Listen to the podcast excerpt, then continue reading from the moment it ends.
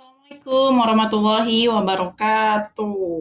Welcome again di Opigrafi Podcast. Uh, hari ini mau bahas tentang ya? Diet kali ya. Enggak sih, bukan diet sih, tapi lebih kayak hmm, pola pikir aja. Jadi uh, so, uh, latar belakang dulu ya gue dan keluarga besar gue yang literally memang besar ukurannya. Jadi ya kita dilahirkan di keluarga yang gampang gemuk. Jadi secara genetik gemuk itu memang sudah diturun temurunkan ya. Jadi kan ada orang yang genetiknya kurus gitu ya dari kakeknya bapaknya anaknya. Nah kalau di keluarga gue semuanya bergenerasi tuh ya ada gen gemuknya gitu loh gampang gemuk. Jadi emang apa ya kayaknya setelah uh, dewasa ya menstruasi atau pokoknya dari remaja ke mungkin kecil kurus gitu tapi begitu setelah masuk ke fase remaja ke dewasa tuh mulai tuh gemuk.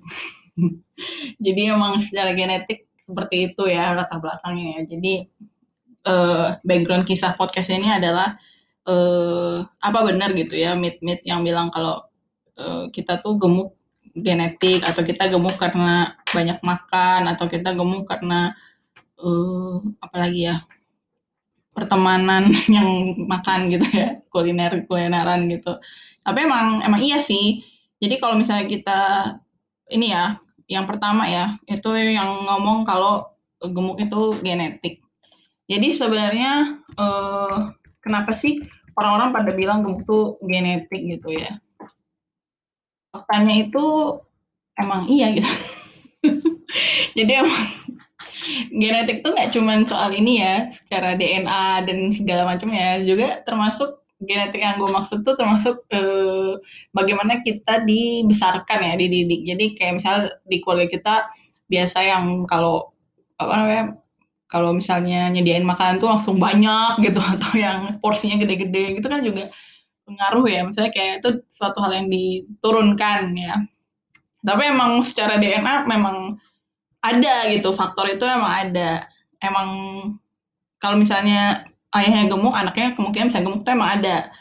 Tapi ya sama seperti ini ya kodok dan kodor ya takdir jadi kita bisa mengusahakan untuk untuk tidak seperti itu. Misalnya ada keluarga kita buruk misalnya. Terus kita uh, keturunannya bisa jadi buruk, tapi kita bisa berusaha jadi baik kan gitu. Jadi ya kayak gitu sih. Jadi kalau kita emang dapat hidayah, kita bisa berubah gitu jadi hidup yang sehat nggak gemuk. Gemuk itu sebenarnya bukan berarti negatif ya. Jadi kayak misalnya angka misalnya angka berat badan di atas 70 itu gemuk atau di atas 80 itu gemuk dengan tinggi sekian. Itu emang emang ada angka BMI itu kan.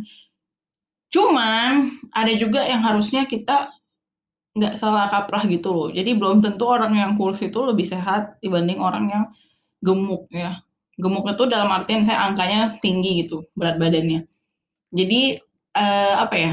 Emang sih dari penampakan orang yang kelihatannya gemuk itu pasti eh, kelihatan apa ya lebih nggak sehat dibanding orang yang kurus. Tapi bisa jadi orang yang kurus itu juga nyimpen lemak gitu tanpa kita tahu ya yang bergelambir-gelambir ditutupinnya gitu kan dengan baju atau dengan apa. Jadi jangan salah kaprah gitu.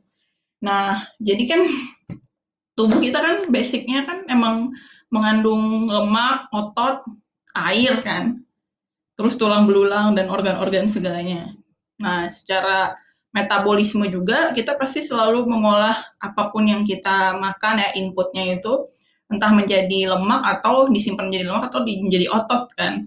Nah jadi kalau kita bisa mengatur ya pola hidup kita dari makanan, dari input supaya bisa lebih apa ya low kalori itu nggak nggak akan gemuk sebenarnya. Jadi emang ya itu tadi genetik mungkin di keluarga biasa makan gorengan, jadinya dia ya ikutan gemuk gitu. Padahal sebenarnya kalau misalnya dia punya keturunan gemuk, saya bapaknya gemuk, terus kalau dia selama hidupnya dia makan rebus-rebusan, itu anak bisa jadi nggak gemuk loh gitu. Karena dia merubah pola hidup dia kan pola makan dia kan. Jadi memang itu sangat mempengaruhi ya apa yang kita makan.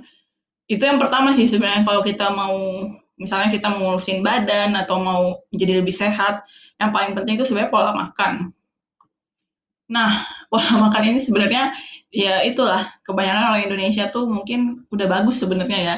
Saya kita punya makanan yang kayak akan sayur misalnya kayak ketoprak, gado-gado gitu kan. Itu kan sayuran ya basicnya.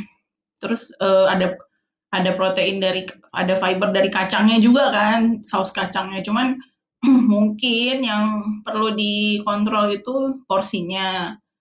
Terus uh, kita harus ngitung juga uh, karbohidratnya misalnya pakai gula merah atau pakai lontong yang berlebihan itu kan juga ini ya nggak balance ya. Jadi emang intinya sih harus kita menseimbangkan porsi-porsi itu. Jadi setiap kali kita makan tuh emang kan tubuh kita tadi mengandung protein, uh, saya mengandung otot, uh, lemak dan juga uh, air kan dan juga ya itu tadi organ-organ dan tulang belulang itu kan.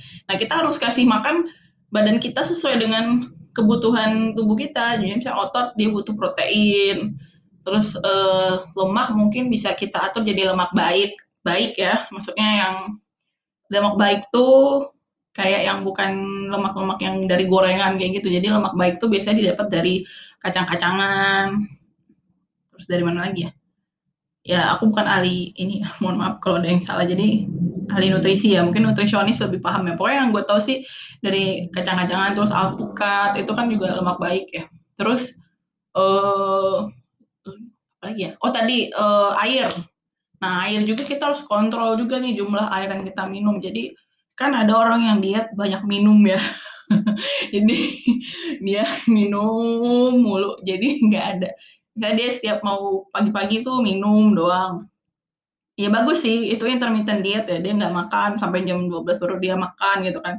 Tapi ada juga orang yang ekstrim yang dia cuma minum doang nggak nggak makan makan gitu kan uh, yang setahu aku sih ada sih beberapa agama yang kayak gitu yang ortodoks Kristen atau apa itu mereka ada yang puasanya kayak gitu dia nggak makan misalnya cuma minum air doang atau dia bolehnya cuma makan vegan doang gitu nah itu sebenarnya hmm, kalau menurut aku itu kurang bagus. Kenapa? Karena nggak ada input yang lain gitu. Jadi kasihan gitu yang tulang belulangnya, kasihan otot-ototnya, kasihan uh, organ-organnya, ususnya segala macam nggak dapet nutrisi gitu, nggak ada otaknya juga nggak dapet nutrisi. Jadi emang kita perlu kasih makan semua organ-organ dalam tubuh kita ini ya. Jadi ya kita harus menyayangi organ-organ ini kan udah dikasih sama Allah Subhanahu Wa Taala ya. Kalau kita nggak rawat, sayang gitu kayak kok nggak bersyukur gitu kan udah dikasih kenapa dirusak gitu kan iya dan aku juga jadi introspeksi diri sih ngomong kayak gini di podcast karena jujur pola makan aku kacau balau sebenarnya hmm, mungkin e, banyak ya teman-teman aku yang dia belajar teknologi pangan atau food engineer atau dia nutrisionis gitu kan jadi aku banyak belajar sih dari teman-teman juga e, dan mereka juga apa ya selain mereka mempelajari nutrisi-nutrisi yang ada di makanan, itu mereka juga mempelajari cara ngolahnya. Nah, selama ini mungkin yang aku salah tuh ngolahnya ya. Jadi kebanyakan misalnya mungkin karena pengaruh dulu ngekos kali ya di di Bandung. Jadi eh di Nangor. salah, jangan jangan bilang Bandung, di Nangor. Jadi misalnya gue baru pertama kali nemu kol digoreng tuh di Nangor jadi kebiasaan jadi kayak pas lihat kol tuh bawaannya pengen ngegoreng gitu karena rasanya lumayan adiktif ya kayak makan pokoknya enak deh. Tapi jangan dicoba ya. Nah itu mungkin karena pola hidup ngekos yang waktu itu salah gitu. Di Nangor tuh banyak jajan-jajanan yang uh, literally literally yang apa ya yang kon ya cara memasaknya tuh digoreng. Gorengan, terus yang kayak dioseng-oseng tapi banyak minyaknya, kayak gitu, yang kayak seblak, lumpia basah. Jadi enak ya ngomongin makanan jajanan. Terus cireng, kan digoreng tuh ya. Jadi emang intinya gorengan tuh musuh berat sebenarnya, susah untuk meninggalkannya gitu ya. Ya mungkin tuh kayak orang, misalnya orang bule masuk Islam terus dia nggak bisa ninggalin makan pork atau makan babi gitu ya. Eh emang maka minum alkohol. Ya itu kita sama goreng gue sama gorengan tuh kurang lebih kayak gitu. Jadi mau berhenti itu susah gitu. Astagfirullah. Ya pokoknya intinya gorengan itu sebenarnya minyak itu sebenarnya ada minyak minyak misalnya minyak minyak yang bagus ya kayak olive oil lah coconut oil lah. Tapi tetap aja kalau kita jumlahnya berlebihan, itu nggak bagus. Jadi, apalagi yang deep fried gitu ya, yang kayak KFC, aduh enak banget. Pokoknya yang crunchy-crunchy itu sebenarnya, uh, jangan sering-sering deh.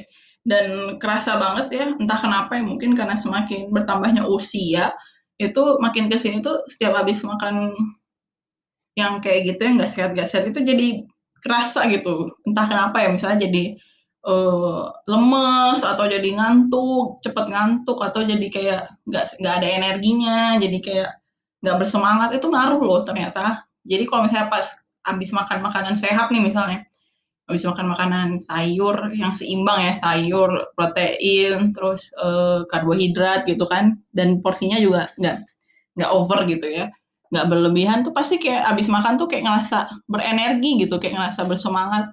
Jadi sering tuh kalau misalnya habis makan siang, di tempat yang nggak sehat gitu, balik ke kantor misalnya atau balik beraktivitas tuh jadi kayak nggak bersemangat gitu loh, ngantuk lah, apalah. Jadi emang itu ngaruh sih. Iya, jadi pokoknya sebelum mau mulai diet atau mau mulai hidup sehat tuh, yang paling penting tuh di makanannya. Nah, terus tadi selain genetik dan makanan juga, bahas soal ini ya, apa namanya, olahraga ya. Jadi sebenarnya, uh, kalau untuk olahraga ini, uh, to be honest ya, aku emang suka olahraga gitu. Dan itu juga kadang mut-mutan dan tergantung lingkungan. Misalnya di lingkungan kita tuh orang-orangnya pada semangat olahraga, rajin ke gym, atau teman-teman kita suka ngajakin olahraga yuk gitu kan. Kayak YouTube channel ya, "Eh olahraga yuk." Itu bagus deh YouTube channel, aku salut sama Mbaknya, sama cicinya. Nah terus, uh, balik lagi ya. Nah kalau misalnya pertemanan kita udah bagus nih, yang pertemanan sehat ya istilah orang zaman now kan pertemanan sehat yang ngajak olahraga lah, terus sering ngingetin, "Yuk bareng," gitu-gitu. Nah itu ngaruh sih, kayak kita jadi bersemangat terus jadi rajin, entah kenapa jadi rajin gitu. Tapi kalau kita ketemu pertemanan yang salah, sebenarnya nggak bisa dibilang salah sih, ini cuma apa ya, gaya hidupnya beda ya, lifestyle-nya beda. Misalnya kita ketemu pertemanan yang rajin jajan, rajin rebahan, rajin nonton, ya kayak gitu. Di keluarga juga gitu kan, maksudnya secara genetik tadi ya balik lagi ke habit di keluarga, misalnya kita dibesarkan di keluarga yang rajin olahraga, kita bakal rajin olahraga, tapi kalau kita dibesarkan di keluarga yang nggak aktif, yang rajin rebahan, yang rajin nonton, yang rajin apa namanya, tiduran, istirahat, leyeh-leyeh gitu ya kita bakal kayak gitu juga gitu. Jadi emang pelan-pelan itu bisa dirubah sih sebenarnya. Jadi kan ada yang bilang people don't change ya. Ya mungkin kalau memang udah mendarah daging tuh sulit ya kayak misalnya hal hal-hal yang berbau prinsipal ya mungkin yang emang nggak bisa dirubah oke okay lah. Tapi yang berbau habit yang baik itu kan sebenarnya bisa dibuild ya, bisa dibangun. Selama kita tahu manfaatnya, selama kita konsisten istiqomah itu bisa gitu sebenarnya. Jadi don't give up ya. Aku juga kadang masih belum istiqomah gitu kayak kadang rajin, kadang enggak, mut-mutan. Cuman ke sini ke sini tuh kayak baru sadar gitu loh. Ini tuh manfaatnya tuh balik ke kita lagi loh. Kenapa nggak dilakuin loh gitu kayak bertanya-tanya ke diri sendiri. Kok kok jadi apa? Saya lagi males nih ya, misalnya lagi ngedown gitu.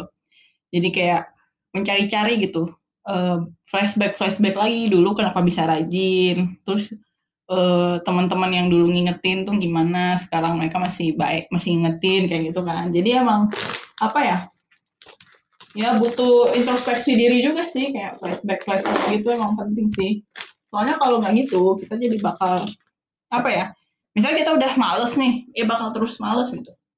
Makanya banyak orang yang kayak yoyo diet itu kan yang misalnya dia uh, ini terjadi sih di adik aku sendiri. Jadi emang cuman emang balik lagi sih kalau kita emang udah nemu metode yang tepat gitu misalnya nggak yang diet yang ekstrim yang langsung kurus misalnya kita yang penting kita uh, rajin aja dulu olahraga walaupun sebentar atau gampang mudah gerakannya itu insya Allah kita bakal nemuin apa ya kenikmatan gitu loh kayak oh ini ya jadi rutinitas terus lama-lama kita jadi seneng ngelakuinnya kalau kita udah seneng ngelakuinnya kita bakal lebih rajin bakal ningkatin bakal apa ya lebih kayak adiktif bakal kita mau lagi mau lagi mau lagi kan kayak gitu sih jadi yang di yang dirubah tuh ya mindsetnya jadi kalau kita mindsetnya uh, ya kayak hipnoterapi ya kita jadi kayak mem-brainwash diri kita supaya membuat exercise itu bukan hal yang menye me mengerikan, menakutkan, menyakitkan, yang bikin capek.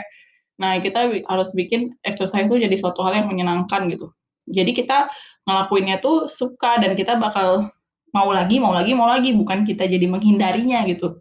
Jadi aku juga sempat salah sih metodenya. Jadi pernah tuh olahraga tuh ya awalnya karena dipaksa gitu kan sama teman salah satu teman. Mhm, terus ntar aku coba ajak dia ini ya join podcastnya karena bagus sih cara dia gitu jadi awalnya terpaksa gitu kan terus ya udah ikut ikutan. Terus pas ikut ikutan awalnya tersiksa ya kan. Apalagi yang pertama kali olahraga pertama kali ngejim kan. Itu pasti awalnya kayak tersiksa gitu kayak aduh badan jadi ron jadi rontok. Bukan rontok ya sebenarnya. Bahasa aku aja bilang rontok. Jadi kayak eh seotot-otot gitu tuh kayak ngilu-ngilu kayak gimana gitu. Kayak orang baru olahraga kan pegel-pegel gitu ya. Pegel-pegel terus kayak mau gerak tuh jadi sakit. Karena kan ototnya ini ya masih nggak tahu sih kalau setahu sih kalau kita olahraga yang berat beban gitu ya angkat beban atau kita pakai alat di gym gitu kan otot kita tetap bekerja kan tetap membakar lemak kan tetap apa nge-build kan tetap ngebangun kan nah mungkin karena proses itu jadi pas pulangnya pun sampai tidur bangun lagi tuh sampai susah gitu kayak aduh sakit itu mau ke toilet aja tuh kayak susah duduknya atau kita mau angkat kaki itu susah kayak hal, -hal kecil gitu. Nah itu sih, jadi awalnya mungkin kayak gitu. Dan itu menurut aku itu emang proses ya. Jadi emang semua olahraga uh, akan kayak gitu gitu sebenarnya. Kecuali kalau kita emang udah rutin ya, misalnya kita udah terbiasa sepedahan nih. Kayak aku kan udah biasa sepedahan ya. Sepedahan ke mana-mana naik sepeda misalnya ke kantor atau ke ke rumah orang gitu ya, ngunjungin rumah orang naik sepeda gitu kan. Nah itu pas kita selesai ngelakuin itu kita kayak ngerasa jadi fresh kan, jadi ngerasa biasa aja gitu, nggak kenapa-napa. Nah mungkin itu memang suatu hal yang baru kita lakuin dan mungkin aku salahnya tuh terlalu nge-push diri aku sampai jadi kayak gitu ya. Nah jadi awalnya tuh aku ya sempet, aduh males ah nge-gym lagi gitu kayak, wah kapok deh gue gitu. Tapi ke sini-sini tuh temen gue nge-push gitu kayak datang yuk eh, pokoknya di, di sampai ditarik-tarik gitu kan ke gym lagi itu pas kedua kalinya ketiga kalinya tuh masih kayak gitu terus keempat lima enam tuh baru deh kayak mungkin ototnya kayak udah nggak dapat sinyalnya nih oh nih anak lagi nge-gym gitu. Jadi gue biasain gitu kayak udah ya udah nggak sakit lagi gitu. Jadi ya nggak sakit lagi gitu alhamdulillah. Jadi emang ya itu proses ya. Dan mungkin kita semua yang kaum mager yang jarang olahraga bakal kayak gitu gitu. Jadi kayak awal-awalnya ya pasti ada sakit-sakitnya dulu gitu. Ya namanya juga bersakit-sakit dahulu ya, berenang-renang kemudian. Tapi kuncinya ya kalau misalnya kita nggak mau trauma, mungkin kayak gue kemarin tuh alhamdulillah dapet teman yang baik. Tapi yang maksudnya yang ngajakin mulu gitu, konsisten gitu kan. Tapi kalau misalnya kita yang baru mau coba-coba gitu tanpa ada teman misalnya yang memotivasi uh, atau PT personal trainer ya jangan nge-push yourself too much ya jangan ya pokoknya tahu limit kita di mana gitu know yourself itu paling penting sih jadi kayak kalau udah ngerasa sakit jangan dipaksain. Jadi nanti kamu malah nggak ngerasa itu menyenangkan gitu. Seenaknya aja gitu. Se bukan seenaknya. Se setahannya aja gitu. Kalau kamu masih kuat ya lakuin. Tapi kalau misalnya enggak tahu limitnya lah. Jangan berlebihan gitu. Misalnya angkat beban 20 kilo kan keberatan ya. Ya udah 5 kilo dulu gitu. Jadi supaya kita enjoy dulu gitu. Karena semua olahraga itu pasti ada proses-prosesnya, ada level up level upnya gitu. Jadi nggak yang langsung datang langsung naik gitu, ya enggak gitu. Apalagi kalau yang nggak pakai ini ya personal trainer tuh agak risky kan. Kalau gue tuh kemarin tuh pertama kali nge-gym tuh emang nggak pakai personal trainer. Cuman teman gue tuh udah kayak personal trainer, jadi dia yang ngajar-ngajarin gitu kan. Nah, jadi ya ya itulah gue bersyukur banget sih diajarin gitu ya secara gratis gitu kan kalau pakai PT mungkin mahal kan dan ya apa namanya ya mungkin dia tipikal coach yang keras ya. Jadi kayak ya udah gue nge-push limit gue waktu itu. Jadi emang harusnya sih nggak gitu. Jadi kalau bisa uh, step by step lah ya. Terus uh, gue juga baru belajar nih dari YouTube channelnya si Mbak Elaine Hanafi itu yang eh olahraga yuk itu. Jadi kalau misalnya kita apa namanya soal tadi ya balik lagi ke nutrisi kita sama yang input sama output. Nah inputnya tadi kan makanan itu ya, terus uh, outputnya ya itu tadi apa namanya kita olahraga yang mau weight training atau mau cardio. Jadi sebenarnya kita bisa nge-mix dua-duanya ya, weight training and cardio karena dua-duanya itu manfaatnya mantap banget. Kalau cardio itu kan ngelatih jantung kita ya, terus e, ngelatih apa namanya? Eh ngebakar lemak kita secara instan dan cepat ya sebenarnya dibandingin sama weight training itu. Tapi weight training itu kalau menurut aku lebih apa ya lebih menguntungkan nah cuman kita tetap harus ngelakuin dua-duanya ya weight training sama uh, cardio karena weight training itu kalau misalnya kita nggak ngelakuin itu misalnya kita habis ngangkat barbel nih yang 20 kilo tadi ya misalnya terus pas udah selesai narok barbel itu sama kita diem, sama kita duduk, sama kita tidur tuh otot kita tetap selalu terus ngebuild kan, tetap terus bekerja gitu dan tetap terus membakar lemak-lemak kita bakal terus dibakar gitu. Jadi lebih menguntungkan nggak sih? Maksudnya logikanya gitu kan. Ya pokoknya dua-duanya bagus. Jadi uh, kalau bisa dikombin karena kalau udah dikombin tuh hasilnya bakal mantep banget. Body fat kita bakal turun.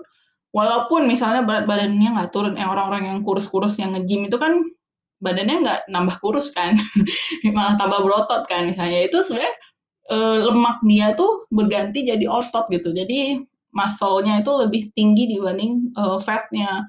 Nah, itu bagus malahan. Jadi jangan salah kaprah gitu ya. Sama ngurusin badan tuh harus dari angka gitu. Jadi aku baru belajar juga dari si channelnya Mbak ini. Eh bagus sih, inspiratif banget. Jadi kalau mau nonton nonton aja tuh, eh olahraga yuk.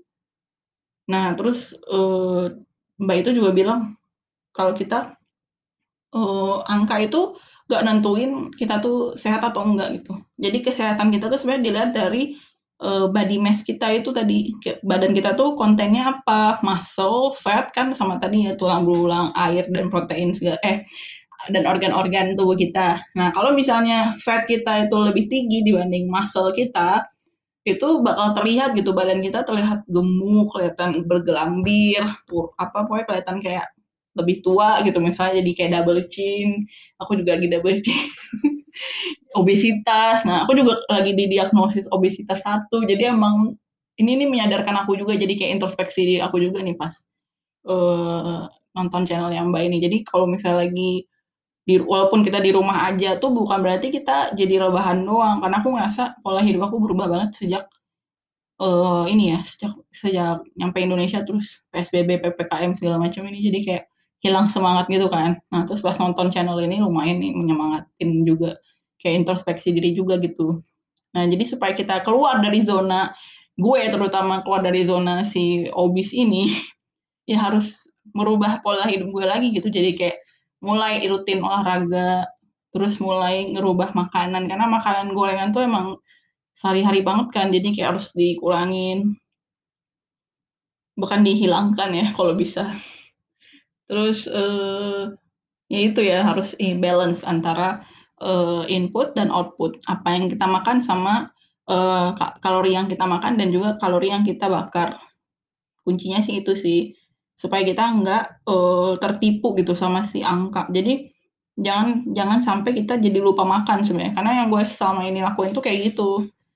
Gue jadi kayak berpikir kalau mau diet, kalau mau ngurusin badan, gue harus ngurangin makan. Padahal sebenarnya yang penting tuh apa yang kamu makan gitu, bukan uh, porsi yang dikurangin atau merubah jadwal makan kamu gitu. Jadi ya ya mungkin kita rajin puasa tuh bagus misalnya puasa puasa, tapi jangan jangankan rajin puasa jadi apa namanya makan pas buka puasa buat makannya jadi jor-joran gitu beli gorengan beli apa jadi emang intinya sih harus merubah mindset itu ya terutama di makanan sih kalau di aku kalau exercise, jujur aku tuh sebenarnya orangnya suka olahraga, suka banget. Nah cuman ya itu yang aku suka tuh olahraganya berenang. Dan sekarang lagi pandemi, jadi susah mau berenang. Terus sepedahan, sepedahan tuh sebenarnya eh, dulu tuh karena rutinitas pakai sepeda ke mana-mana dan aku emang suka dari kecil sepedahan. Cuman karena sekarang lagi pandemi itu juga jadi takut kan, entah kenapa ya kayak uh, ini aja sih sugesti doang. sepedahan tuh jadi kayak pengennya di rumah doang gitu kan. Terus yang ketiga tuh badminton. Dan badminton tuh olahraga dua orang. Sedangkan gue sendiri yang tinggal. Jadi tiga-tiga itu olahraga yang nggak bisa gue lakuin. Jadi akhirnya gue harus cari olahraga lain yang bisa gue senangin kan yang bisa gue sukain. Jadi supaya gue nggak apa namanya nggak nggak hilang semangat dan nggak jadi kok ya nggak jadi nggak jadi kemudian gitu mut-mutan. Jadi emang gue harus cari olahraga yang membuat gue jadi semangat dan menyenanginya gitu. Sebenarnya sih kalau gym udah buka mungkin gue pengen coba nge-gym. Tapi ya itu ya karena pandemi lagi jadi emang ya ya itulah. Karena gue sebenarnya lagi lagi penasaran gitu loh sama weight training gitu kan. Karena selama yang selama gue nge-gym kemarin tuh gue ngerasa sih efeknya kayak kan kan ke, tadi gue bilang kan awal-awal tuh kayak sakit gitu kan. Ya itu gue kerasa kayak badan gue jadi kayak lebih keras gitu. Entah kenapa ya kan dulu agak bergelambir-gelambir gitu kan. Cuma sekarang kayak lebih ada ototnya gitu kerasa lah. Karena otot tuh langsung kelihatan kan jadi kayak kenceng gitu kan. Kalau lemak kan kayak lembek gitu dan dia lebih lebih besar gitu kan. Kalau lemak tuh kayak makan tempat gitu kan. Kayak misalnya satu kilo lemak sama satu kilo otot. Otot tuh ya kecil tapi keras. Tapi kalau lemak tuh kayak ya udah gelambir makin panjang makin lebar makin gampang ditarik kayak gitu sih. Makin berlipat-lipat gitu kan kelihatan banget uh, bentukannya. Tapi kalau otot tuh kelihatan kecil gitu. Nah itu gue makanya penasaran sama weight training ini. Nah ini gue lagi cari cara sih gimana caranya gue bisa tetap weight training tapi di rumah. Lagi ini aja lagi penasaran aja sama weight training. Jadi ya kalau kalian sama kayak aku, yuk kita coba cari tahu dah. Kalau misalnya kalian tahu kasih tahu ke aku ya. ya udah deh. Pokoknya itu ya ini tanpa nge-gym ya, tanpa harus ke gym yang punya alat-alat yang mahal-mahal itu. Jadi gimana caranya gitu ya? Apa gue harus ngangkat galon gitu? ya udah. Mungkin sekian aja di Upigrafi Podcast episode ini karena gue nggak mau panjang lebar ya kayaknya udah sering yang sejam-sejam nih yang ini pendek aja gitu 30 menit. 30 menit pendek panjang juga kali. Ya pokoknya intinya itulah. Gue cuma mau sharing doang. Intinya harus hidup sehat terus harus enjoy hidup sehat. Jadi jangan terpaksa tapi harus enjoy. Dan makan makanan sehat. Dan makanan sehat tuh nggak mesti yang nggak enak ya. Bisa jadi enak. Jadi jangan salah kaprah, rubah mindset, terus enjoy your life ya. Jangan sampai uh, apa namanya? Enjoy your life tuh in the meaning kita merawat diri kita juga, merawat pemberian Allah Subhanahu wa taala bersyukur sama apa yang dikasih dengan berusaha menjaganya, merawatnya gitu. Jangan jadi orang yang enjoy your life in bad way ya.